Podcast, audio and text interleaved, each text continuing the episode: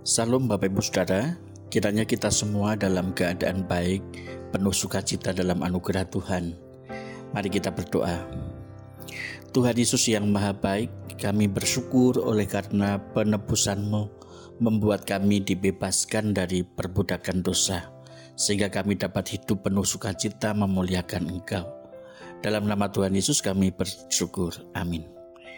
Bacaan kita pada hari ini kita ambil dari kitab Efesus pasal 2 ayat 1 sampai 10 dan secara khusus kita akan membaca dan merenungkan firman Tuhan dari ayat 8 sampai 10 saja. Berkata demikian. Sebab karena kasih karunia kamu diselamatkan oleh iman, itu bukan hasil usahamu, tetapi pemberian Allah. Itu bukan hasil pekerjaanmu. Jangan ada orang yang memegahkan diri.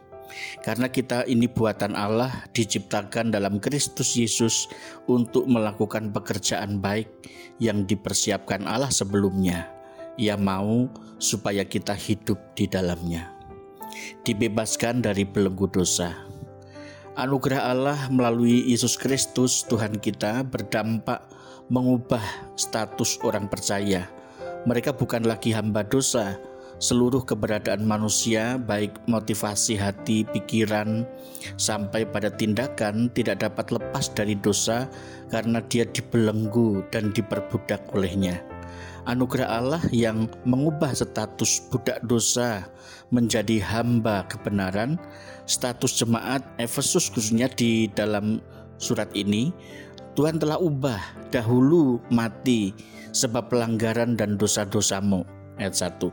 Sekarang dihidupkan bersama-sama dengan Kristus ayat yang kelima. Kondisi mati yang dimaksud Paulus adalah mengalami keterpisahan dari Allah serta tidak dapat menghargai perkara-perkara rohani karena pikiran mereka gelap.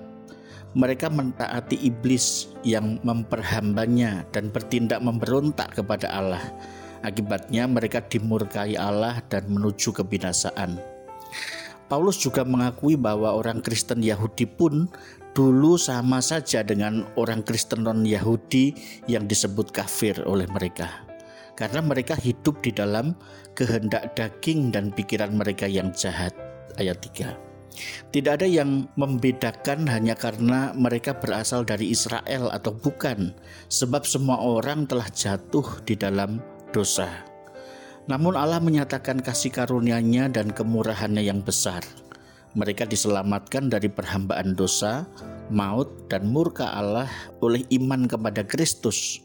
Di dalam Kristus, Allah membangkitkan mereka yang sudah mati secara rohani dan memberikan tempat tinggal yang mulia dari warisan bersama Kristus di surga. Itulah perubahan status mereka.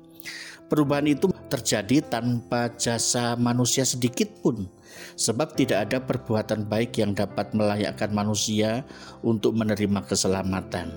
Ayat 8. Oleh karena itu, tidak seorang pun dapat membanggakan diri karena keselamatan itu adalah merupakan pemberian Allah.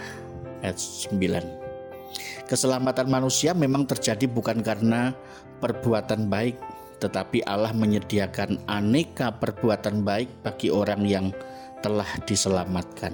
Jadi, perbuatan baik itu bukan prasyarat sebuah keselamatan, melainkan ucapan syukur atas keselamatan itu.